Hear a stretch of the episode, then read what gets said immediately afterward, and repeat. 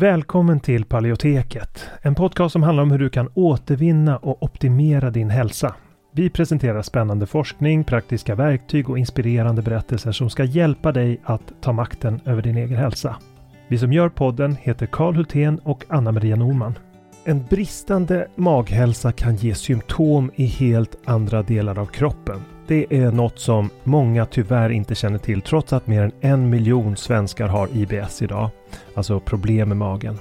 Och tyvärr är magproblem i de flesta fall inkörsporten till annan ohälsa. Det kan vara inflammation, diffusa symptom, allergier eller autoimmun sjukdom. Och för att möta den här trenden av växande behov så har vi utvecklat kursen Maghälsa på djupet. Där vi går på djupet med att vända dålig maghälsa som SIBO och IBS. Och det här är viktiga delar av kursen som vi talar om och den senaste forskningen på de områdena. Och vi djupdyker i vad forskningen säger om de senaste naturliga terapiformerna, kostmetoder, kosttillskott, probiotika och så vidare. Och kursen den kickar igång fredagen den 3 maj och har fyra olika faser och tre frågestunder live. Och dessutom har vi olika resurser och guider att ladda ner från kursplattformen. Så du kommer få lära dig allt om hur du kan använda kosten som en väg till läkning, när, var och hur, hur du kan använda olika kosttillskott och probiotika. Och om du redan är medlem i Hälsodetektiverna så får du som vanligt en rabatt på allt vi gör, så även den här kursen. Och den här kursen tror vi är en perfekt väg för dig mot en bättre maghälsa där du inte bara får lära dig ett metodiskt tillvägagångssätt för att minska dina symptom utan också förstå de underliggande orsakerna. För att läsa mer om kursen och anmäla dig till den går in på paleoteket.se och klickar på utbildning. Eller klicka dig vidare från länkarna i podcastbeskrivningen. Så varmt välkommen till Maghälsa på djupet. Vi ses där när kursen startar, den 3 maj. Innan vi kör igång med dagens tema vill jag påminna om att den här podcasten har ett utbildande syfte och inte utgör medicinsk rådgivning. Nu kör vi!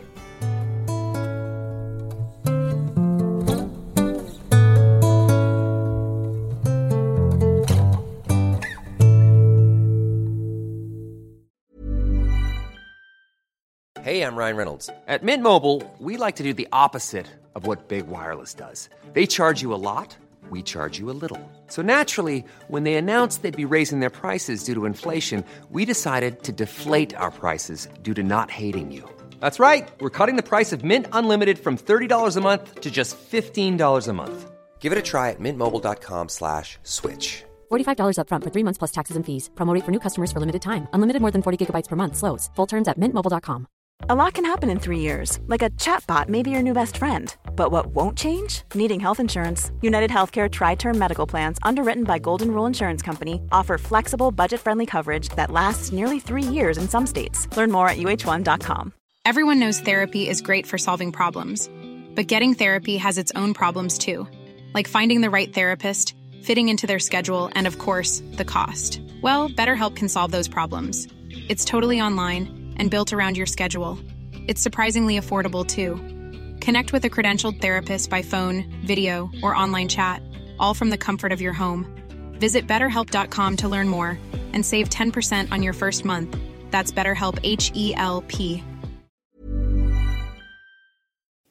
I dagens avsnitt intervjuar jag Emma Lundgren som både kommer att berätta om sin hälsoresa med eksem, utmattning och sköldkörtelbesvär och dessutom dela med sig av sina erfarenheter från en väldigt inspirerande fjälltur som hon gjorde nyligen tillsammans med sin hund.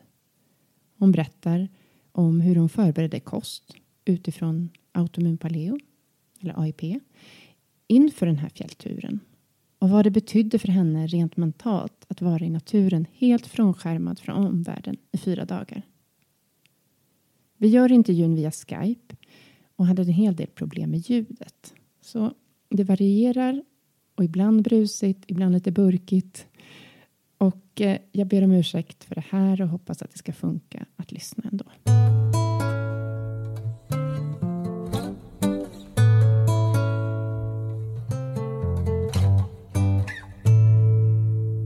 Hej, vad roligt att du är här. Ehm, mm, tack.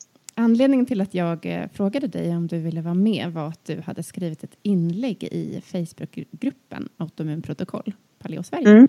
som handlade just om att du skulle ut på fjälltur och mm. eh, eh skulle ta med dig mat som var då AIP och paleo. Och det tyckte jag lät så inspirerande. Jag tänkte att det vill nog andra också höra lite om.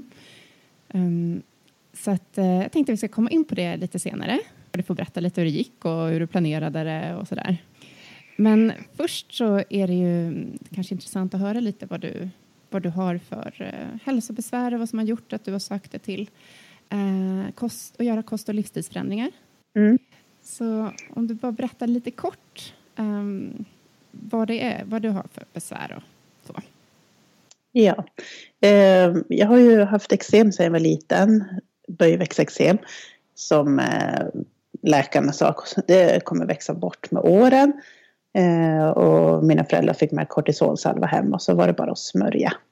Och sen har jag smörjt och smörjt och smörjt tills jag blev ungefär 18-20.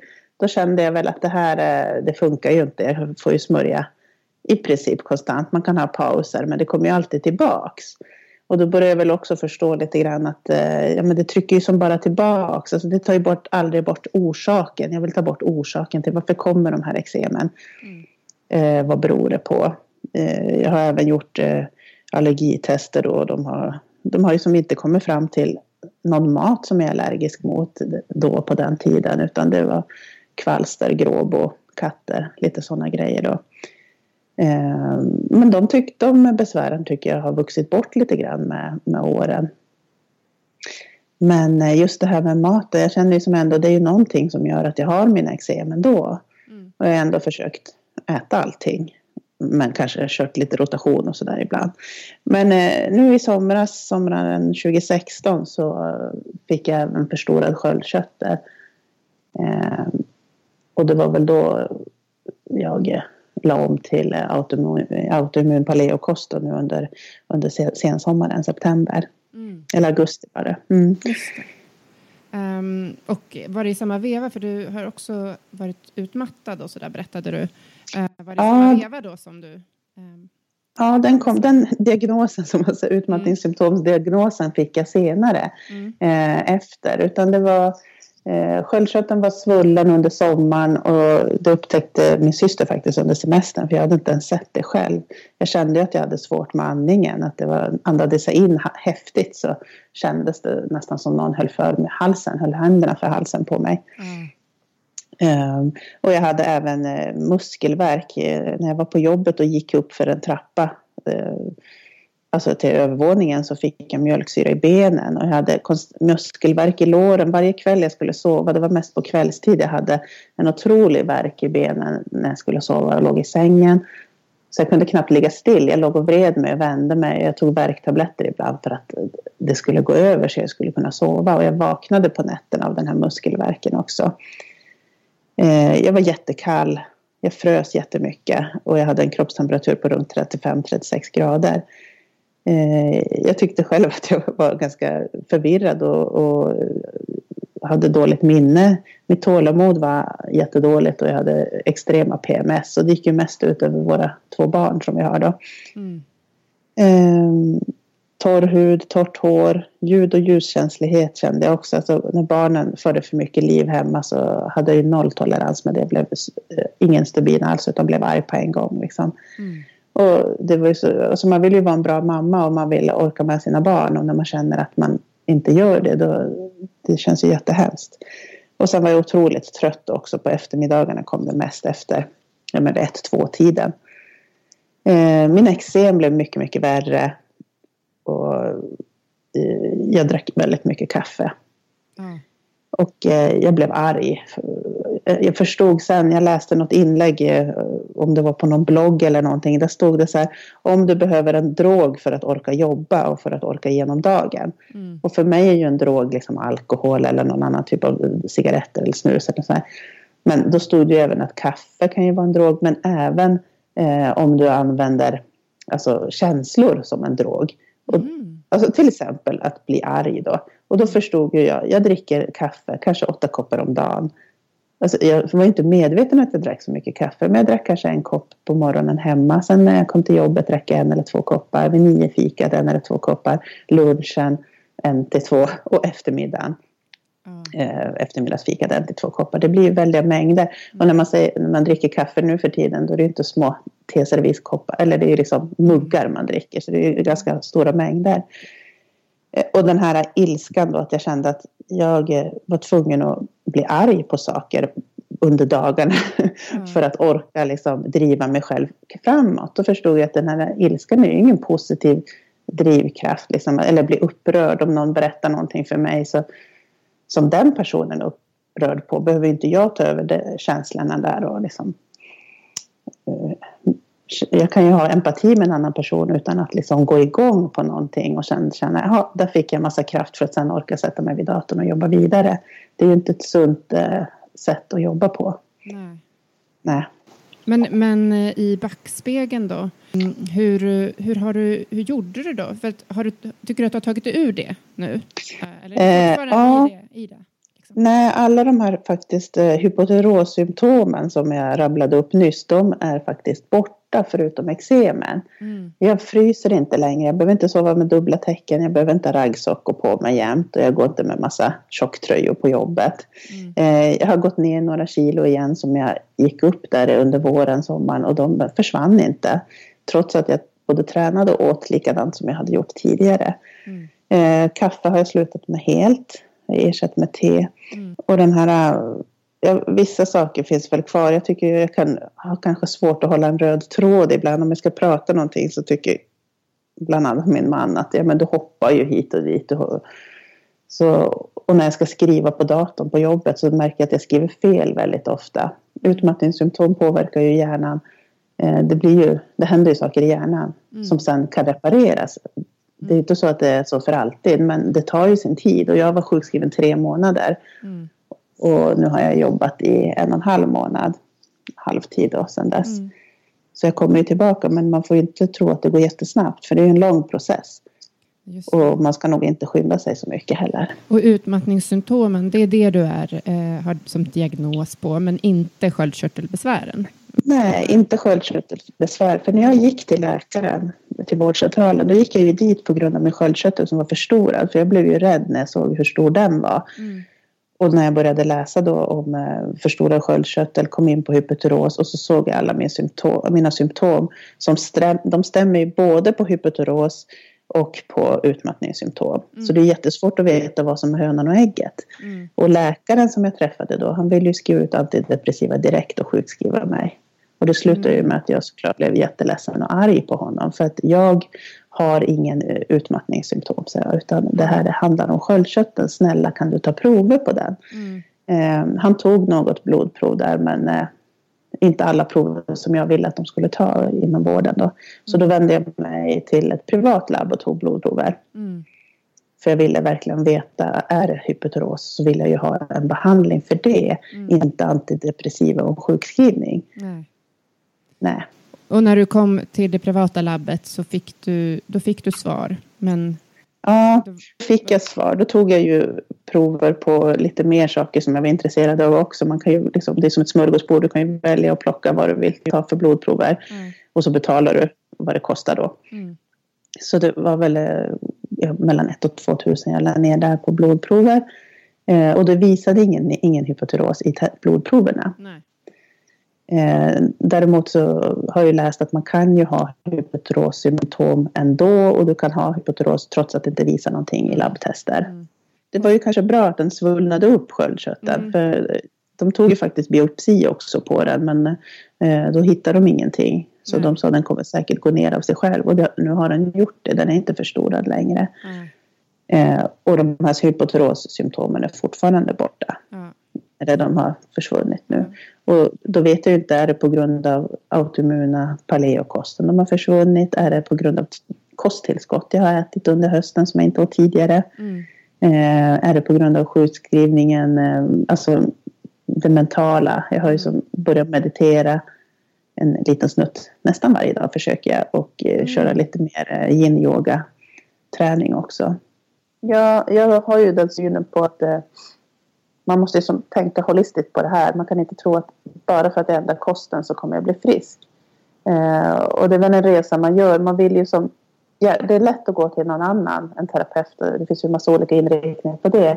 och betala pengar och tro att de ska lösa ens problem. Men det händer ju inte, det har jag ju som förstått nu. Eh, utan det är jag som känner mig själv bäst och vet vad jag har gått igenom, hur min historia ser ut, vad jag har testat för kostupplägg och sånt.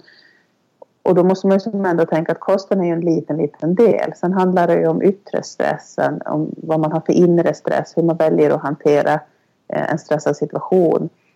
Eh, vad man gör av sin vardag, vad man väljer att fokusera på. Eh, jag menar omge sig med positiva tankar, bara en sån sak är ju väldigt viktigt. Eh, idag finns det ju så mycket olika Facebookgrupper du kan gå med i. Eh, paleogrupp, autoimmun paleo, candida-dieten, eh, GAPS och, läs, och sköldkörtelforumet. Och läser man där och ser allt elände och hur illa folk mår och hur, hur hemskt de blir behandlade av vården och så, då är det väldigt lätt att hamna i en negativ spiral. Utan jag tror att man på något vis måste stoppa där och eh, på något vis välja vad man läser och tar till sig. För det är inte alltid positivt att, att läsa andras historier. För att det är lätt att tolka in att man kanske själv också har olika sjukdomar eller symptom. Mm. Men hur, hur, hur, hur har du gjort då? För du berättade ju om det här negativa tänkandet då som du hade. Hur gjorde du för att komma ur det? Eh, jag, jag, vet inte om jag har haft något negativt tänkande egentligen utan det är väl mer så att man jag vill hitta orsaken. Jag vill, som den här läkaren som jag träffade då på sjukvården. Han sa du vill ha, eh, du vill ha liksom ett, ett fysiskt problem som du kan äta piller och bli frisk. Ja, det vill jag ju. För det är så jag jobbar också eh, på jobbet. Har jag ett problem så ska det ju lösas. Mm. Men eh, man måste kanske jobba lite mer med sin egen acceptans också. Att jag accepterar att jag har de här eksemen. Jag har haft dem sedan jag var två år. Och jag kan inte förvänta mig att de försvinner då på två månader. Och jag kan inte tro heller att de försvinner för att jag äter ett kosttillskott eller en viss kost. Utan det handlar om eh, en helhetsförändring, där ett tänk att man måste om man nu går, kommer tillbaka till sitt jobb och till sitt liv efter en eh, sjukskrivning på grund av utmattningssymptom så kan man inte komma tillbaka och tro att man ska vara likadan på jobbet igen eller likadan hemma. Man kanske måste ändra sin livsstil, hela sitt tänk där. Eh, och då tror jag att just meditation och yoga kan vara ett bra sätt också för att du måste på något sätt våga lita på vad du själv tror mm. hjälper dig, just dig. För det är ju så individuellt. När man läser om paleo eller autoimmun paleo så står det ju det här får du äta och det här får du inte äta. Men det är som en generell regel. Sen kan du kanske du kunna äta något annat eller du kanske inte tål just det där trots att det är tillåtet. Mm. Så det är väldigt lätt att, att, läsa det här är tillåtet och det där får jag absolut inte äta. Och sen så kan ju kosten också då bli en stress. Ja. Absolut. Men eh, hur ser din eh, hur ser din dagliga, eller hur ser din rutin ut kring det där med yoga och meditation? Inte så att du kanske inte gör det varje dag, men hur, hur ser det ut på en vecka? Liksom? Ja, eh, jag jobbar ju skift så har ju dagar då jag är hemma när inte barnen är hemma, när de är i skolan. Eh, för jag jobbar dag, nattskift och dygn. Varannan helg jobbar jag dygn. Så det innebär ju att jag har tid hemma då huset är tomt, det är bara jag och hunden hemma. Då har jag ju möjlighet att både köra yoga hemma själv och meditation. Eh, jag vill gärna starta dagen med en meditation men där har jag ju svårt att gå upp så pass tidigt så att jag har det lugnet innan, innan det är dags för barnen att gå upp. Eh, så då gör jag hellre min meditation eller lilla yoga efter barnen har gått till skolan när jag har lämnat dem och så kommer jag hem igen. Alternativt så går jag en promenad med hunden i skogen eller så. Det blir också som en typ av yoga eller meditation om man väljer att fokusera på andningen medan man går och inte går och funderar på massa andra saker. Vad man ska laga till middag och så. Det gäller ju att få bort de tankarna. Man behöver inte göra meditationen så svår utan det räcker att fokusera på sin andning bara. Just det. Och komma ut i naturen då? När du har hund ja. så är det ja, självklart. Ja, precis. Absolut. Det, jag har ju precis varit på den här fjällturen då nu. Ja. Eh, en skidtur. Just det. Eh, jag bor ju i Kiruna och eh, här har vi jättenära till fjällen. Vi har mycket snö nu, relativt kallt. Det blir mörkt redan vid fem. Och egentligen vill jag göra den här turen redan i december då när jag var sjukskriven. Mm. Men av olika orsaker så funkade det inte då. Så nu fick jag göra det nu då. Eh, och då, då vill jag ju fortsätta, jag vill inte släppa min eh, kosthållning bara för att jag ska på en fjälltur. Så då krävde det lite extra förberedelse också. Just det. Men berätta då, hur, hur la du upp det? Eh, jag planerade att vara borta eh, max sex dagar, för sen skulle jag jobba igen. Så sex dagar hade jag på mig. Eh, turen jag planerade att gå var, behövde egentligen bara fyra dagar, men i fjällen vet man ju aldrig vädret, så jag hade två reservdagar där.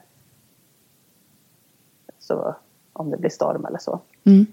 Ja, och just med maten där, då hade vi tidigare lånat en eh, svamptork av en kompis och torkat grönsaker. Så jag hade torkad sötpotatis, torkad lök, torkad purjolök, palsternacka, morot eh, som jag hade torkat i en svamptork och det, det blir jättebra. Så det, det äter, man de, äter man de torkade då liksom som snacks? Nej, då, alltså måste, man, eh, då måste man blötlägga dem. Alltså jag tänker, mm. då gör jag gryta på dem. Mm. Och i och med att det är vinter nu och det har varit någonstans mellan 5 och 15 minusgrader på hela naturen så har jag tagit med fryset kött också. Som jag hade skavt upp och stoppat i portionsförpackningar och i påsar. Så jag hade ungefär 100-150 gram kött och sen de här torkade grönsakerna som jag också hade gjort portionsförpackningar av och blandat i ordning färdigt. Då. Eh, så det tar ju väldigt lite plats och är lätt. Just det. Ja, det är smidigt när det är vinter då, att du kan ha frysta ja, saker. Det kan man ju inte absolut. på sommaren. Men det är också ett problem för att du får ju tänka vad kan du inte äta när det fryser? Alltså vissa saker går inte att äta, det blir stenhårt. Så det går inte att använda när det fryser. Så du måste ju tänka efter också mm. eh, vad du kan ha med dig. Just. Eh, sen kokade jag ju buljong. Eh, benbuljong som jag hällde upp i små muffinsformar och frös in hemma. Och då hade jag ju som portionsbuljong så att säga med mig. Så då blandade jag en till två sådana där buljong med lite vatten, de där torkade grönsakerna och sen så det köttet då. Och sen fick det koka upp i en gryta och stå och svälla en stund. Sen var det färdigt att äta och så lite extra salt på det. Så det funkade faktiskt jättebra. Det, det var låter, väldigt gott också. Ja, det låter jättegott. Det låter som en ja. riktig måltid. Mm.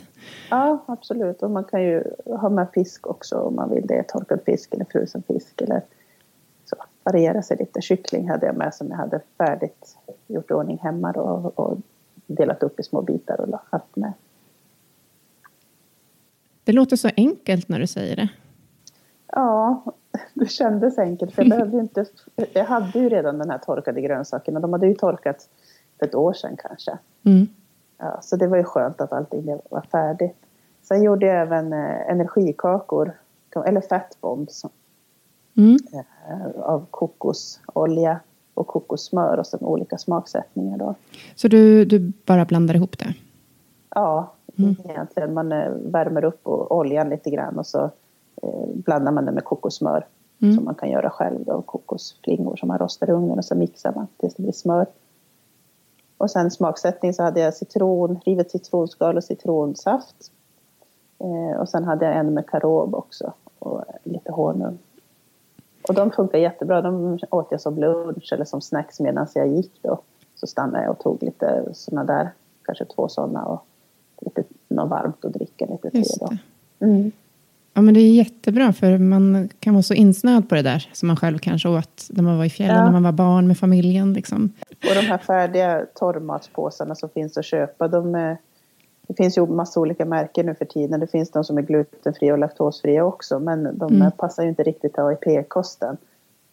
Inte vad sa du nu? Att de torkade inte AIP utan det är Nej, alltså om du kryddning och sånt? Färdiga, ja, det, det är både kryddning och eh, vissa har väl kanske någon tillsats också. Men det finns mycket olika märken. Det finns ju en del som är gluten och laktosfria. Men då innehåller de kanske paprika eller någonting som man vill undvika. Mm.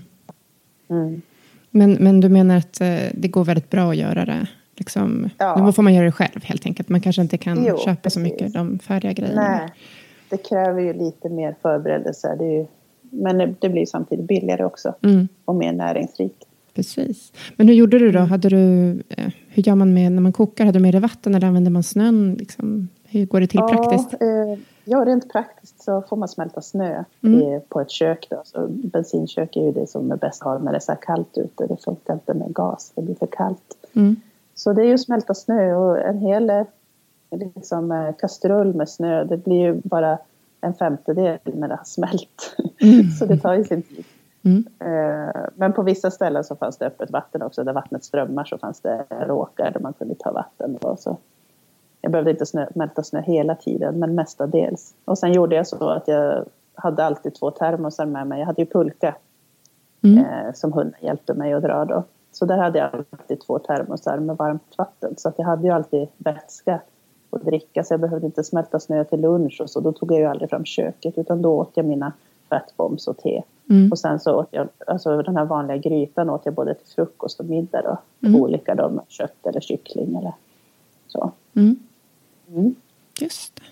Men det går väl att torka kött också sådär i en sån här torkapparat? Ja. Om det är på sommaren man ska göra någonting tänker jag. Ja, på torkapparat funkar det bra. Såna svamptork. Man kan även torka i ugnen.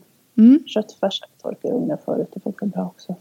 Annars får man göra i tunna strimlor och torka. Just det. Har du något knep där när man ska torka i ugnen? Eh, väldigt låg värme och sen så har man ugnsluckan lite öppen för annars blir det ju fukt in i ugnen. Så mm. man måste sätta någon träsked eller något emellan. Mm. Och sen ska det torka så att det blir riktigt torrt så att det inte blir dåligt och börjar mögla. Just det. Mm. Men vad tycker du att den här fjällturen, för det är ändå så ganska stort och du gjorde det alldeles på egen hand med hunden och sånt där. Men vad, vad tycker du att det har gett dig då att vara ute nu den här vändan? Ja, eh, jag gick ju på ganska mycket första dagen och den var ganska fysiskt ansträngande första dagen. För mig är ju även en fysisk ansträngning ett sätt att komma till en mental stillhet. Liksom, när jag tar ut mig väldigt mycket fysiskt då är det lättare att hamna i ett, menar, i ett lugn i kroppen om man säger så. Mm. Um, så därför gick jag på ganska mycket första dagen och pulkan var ju lite tyngre den dagen också. Det var lite backar och så. Men eh, sen när man har gått som första dag, kommit iväg där, då, då infinner det sig här lugnet. Man kommer upp, ut ur fjällbjörkskogen, upp på vidderna. Man ser långt. Eh, man, det, blir som en frihetskänsla att komma upp och se. Att se långt tycker jag är skönt. Det är väl därför jag trivs att bo här uppe där det inte är så mycket skog överallt. Eh, nej men eh, det blir ju som en enda lång meditation. Jag gick i, i ungefär fem timmar om dagen Eh, och bara mata på och malde, liksom gå framåt. Och då, man tänker ju på allt och ingenting egentligen. Tankarna kommer ju och går men det är ju mycket. Man, fokus, man känner bara att jag har lite ont i låren. Eh, nu gör det lite ont i tån. Alltså, man, eh, man har som inga... Ja, det blir som en skön känsla helt enkelt. Man behöver inte fundera på när barnen ska komma hem från skolan, vad vi ska äta till middag, att vi måste handla, jag måste tvätta och allt det där kopplar man ju bort och så är det bara, det är bara jag och hunden. Att vi får i oss vätska och mat och hittar någonstans att sova, det är det som är viktigt. Att man håller sig varm och inte fryser och att man inte blir för hungrig. Just det. Mm. Och hur tänker du, vad, vad, vad tror du att det här betyder för din läkning? Eh, ja, egentligen borde man väl göra så naturligt oftare, inte bara en gång om året. Nej, man, man kommer tillbaka till det, vardagen igen. Mm. Uh, och då, man vill ju hålla kvar den här känslan av uh, lugn och stillhet som man hade när man var ute på fjället. Så det är svårare såklart i vardagen. Det är så mycket intryck hela tiden och det finns så mycket. Det finns uh, internetuppkoppling konstant. Man har telefonen med sig hela tiden och man är nåbar hela tiden. Jag tror det är sunt att koppla bort det där även hemma vid ibland. Och ta bort alla, alla medier och intryck som påverkar det. Just det. Var, var du utan medier där uppe då? Ja, ja. ja. Det, det, finns ingen eh, täckning. Inte någon telefontäckning heller? Nej, nej. nej. Så det, och sam, samtidigt är det ju 15 minusgrader så har jag telefonen på så dör ju batteriet på en gång. Så den, mm. den måste vara avstängd hela tiden. Jag hade GPS med mig och mm. en sån här nödsändare om det skulle hända någonting, en spot. Karta och kompass mm. också. Mm. Så det är en sak som du tänker ta med dig därifrån, att du försöker hamna i det? Ja, eh, det är ju, det är ju svårt. Man har ju vanor hemma. Mm. Att, att, sätta sig med telefonen, Facebook, kolla mejl. Mm. Men att man väljer att ha tom tid så att säga även hemma i vardagen. Mm. Absolut. Ja, det är nog jätteviktigt för, mm. för alla ja. idag. Ja. Um, men uh, det är kanske är ett av dina medskick, men har du något annat tips eller medskick till andra personer med autoimmuna sjukdomar eller olika hälsobesvär? Ja, eh, jag, jag, tycker ju ändå att kosten är en stor grej. Jag har ju ätit glutenfritt länge, för jag började väl med eh, LCHF egentligen som jag åt ganska många år. Eh, sen vanlig paleo och jag har även provat på GAPS-dieten då som fokuserar på läkartarmen precis som mm. autoimmun paleo gör. Mm. Eh, men både socker och gluten så tror jag är det absolut viktigaste att plocka bort. Och många människor verkar inte riktigt vara medvetna om att det är ett problem med socker och gluten och, och, och hur stor skada det gör. Ehm, jag har ju inga problem med gluten på det sättet att jag får ont i magen och så. Så det, för mig är det väldigt otydligt om, om det hjälper eller inte. Och det är väl det jobbigaste tycker jag. I och med att mina största problem är eksemen då, förutom det här som händer med sköldkörteln och eh, utmattningssymptomet. Och, så om jag äter gluten en dag så ser ju inte jag liksom att ja, men imorgon är då mina eksem dubbelt så mycket värre jag får aldrig den återkopplingen, inte om jag äter en tomat heller. Det händer som ingenting just där och då. Mm. Utan de, är, de går lite upp och ner ändå och jag hittar som inget system i det. Eh, men, eh, nej, men eh, gluten och eh, socker såklart. Och sen, sen ska man nog fundera lite grann på stressar, om jag väljer nu en kosthållning, stressar den här kosthållningen mig mer än, än att inte äta den? Just det. För, för mig är det en stress att äta saker som jag själv tycker att jag inte ska äta. Om jag är, blir tvungen att äta pasta eller någonting för att det inte finns något annat då, då känner jag att det blir en stress för mig. Så jag mår bättre om jag vet att jag äter mat som, som är bra och som håller, håller sig till de ramar jag har satt upp för mig själv. Men det, alla är ju så individuella så det är ju svårt att säga vad en annan person ska göra. Precis, men det, där sa du någonting, det där ramarna som du har satt upp för dig själv. Mm. Mm. Att du har ju gjort det, det kanske ja. är något som är bra att göra då, så att man inte bara hoppar på något som någon säger sådär eh, hux flux hela tiden, för det kommer så mycket olika råd från olika håll. Absolut. Och jag känner ju att eh, när jag åt den här GAPS-dieten, då äter du ju buljong, precis som du gör i autoimmun paleo. Och sen ska det vara kokta grönsaker och inte sånt som är för fiberrikt. Mm. Eh, och det är ju stora likheter med autoimmun paleo. Eh, och sen är det probiotika då som ska tillföras för att tarmen ska kunna läka sig och få bra bakterier. Eh, och mycket kött och relativt mycket fett också på det. Mm. Eh, och i och med att jag har ätit den här GAPS-dieten i nästan ett år så känner jag att jag eh, jag blev otroligt less på den när jag åt den för du får inte äta någonting rått. Allting ska vara kokt och väldigt mjukt. Mm. Så en rå morot var ju det jag suktade mest efter där. Medan på paleo, eller autoimmun paleo så kan du även äta morötter. Så mm. det är mm. lättare tycker jag att äta autoimmun paleo. Men har man problem med, med tarmen och fibrer och så, då kanske man ska koka sina morötter istället. Mm. Men i och med att jag har ätit båda dieterna där så känner jag att jag har fått en mycket större förståelse för liksom, hur man kan individuellt anpassa sig. Ja, men precis. Mm. Nej, men det är jättebra. Det är lite, lite olika matlister. Liksom. GAPS ja, tillåter ja. ju lite sådär mejeriprodukter och sådär. Mm, eh, men, mm. men, men, men det eh, man kan ju köra liksom den här stegvisa varianten också med AIP-matlistan. Ja. Och men, sen är det ju mm. det där med histaminet också som är mm. jätteproblematiskt för att eh, all den här surkålen Mm. och alla andra surade produkter och vissa probiotika också kan ju mm. trigga igång väldigt mycket. Eh, och jag, jag trodde väldigt mycket var utrensningssymptom.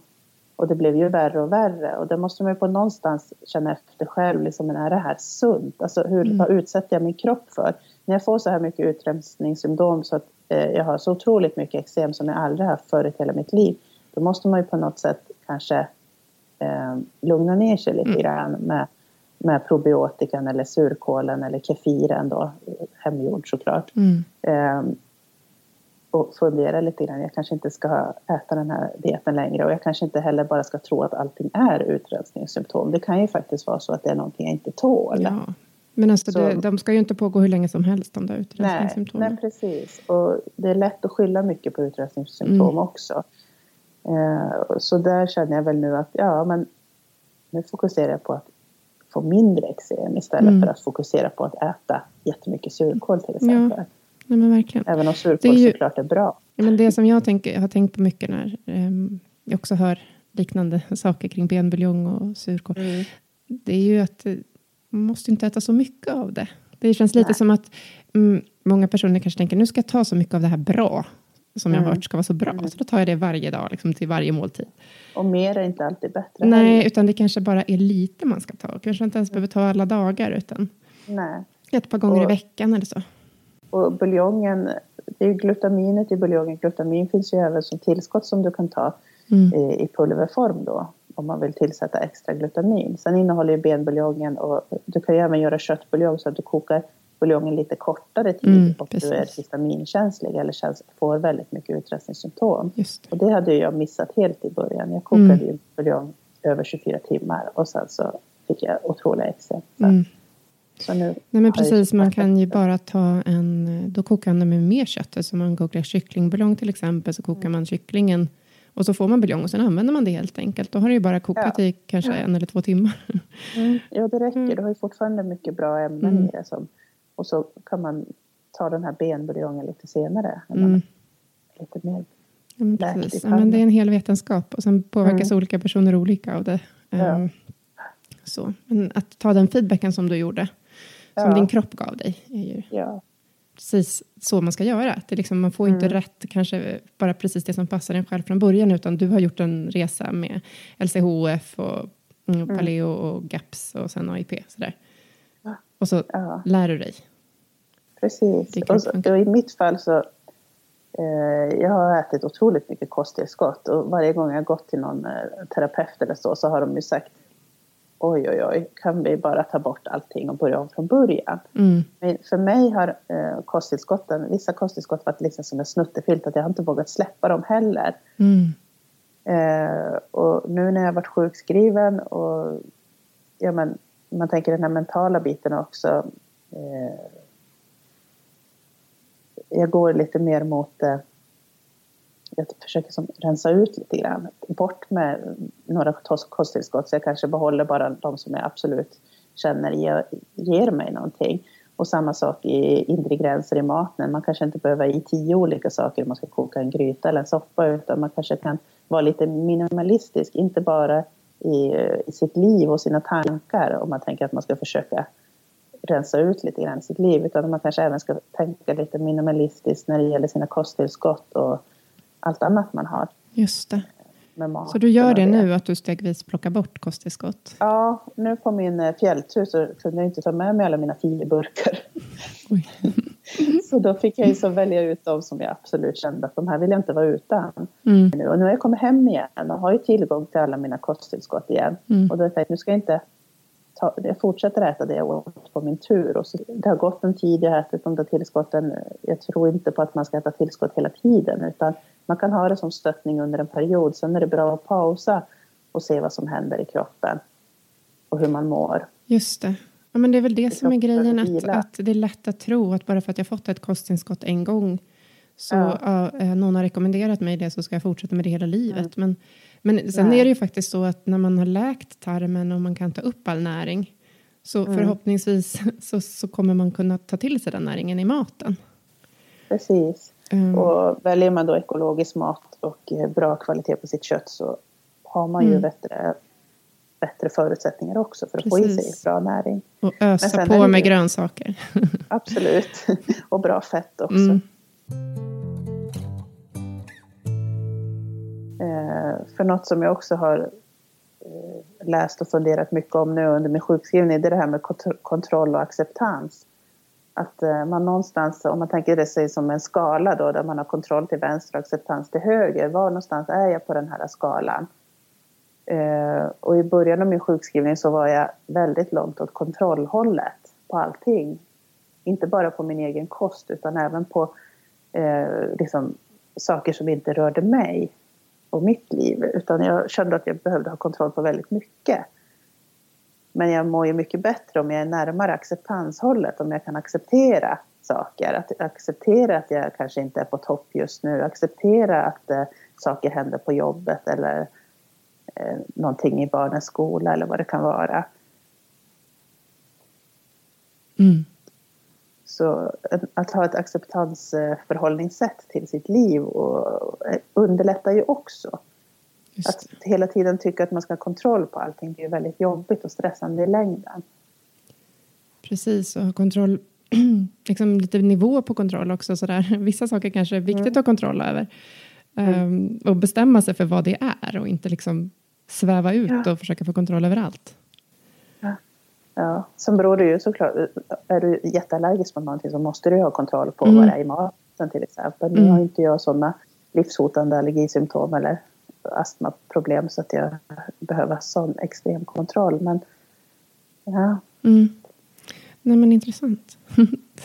Ehm, men tack så jättemycket Emma, det var väldigt roligt att prata med dig. Uh, ja, höra om din tack. resa och om din fjälltur.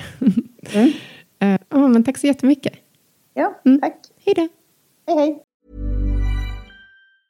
Planning for your next trip? Elevate your travel style with Quince. Quince has all the jet setting essentials you'll want for your next getaway, like European linen, premium luggage options, buttery soft Italian leather bags, and so much more. And is all priced at 50 to 80% less than similar brands. Plus, Quince only works with factories that use safe and ethical manufacturing practices. Pack your bags with high-quality essentials you'll be wearing for vacations to come with Quince. Go to quince.com slash pack for free shipping and 365-day returns. Mom deserves the best, and there's no better place to shop for Mother's Day than Whole Foods Market. They're your destination for unbeatable savings, from premium gifts to show-stopping flowers and irresistible desserts. Start by saving 33% with Prime on all body care and candles. Then get a 15-stem bunch of tulips for just $9.99 each with Prime. Round out Mom's menu with festive rosé, irresistible berry chantilly cake, and more special treats. Come celebrate Mother's Day at Whole Foods Market.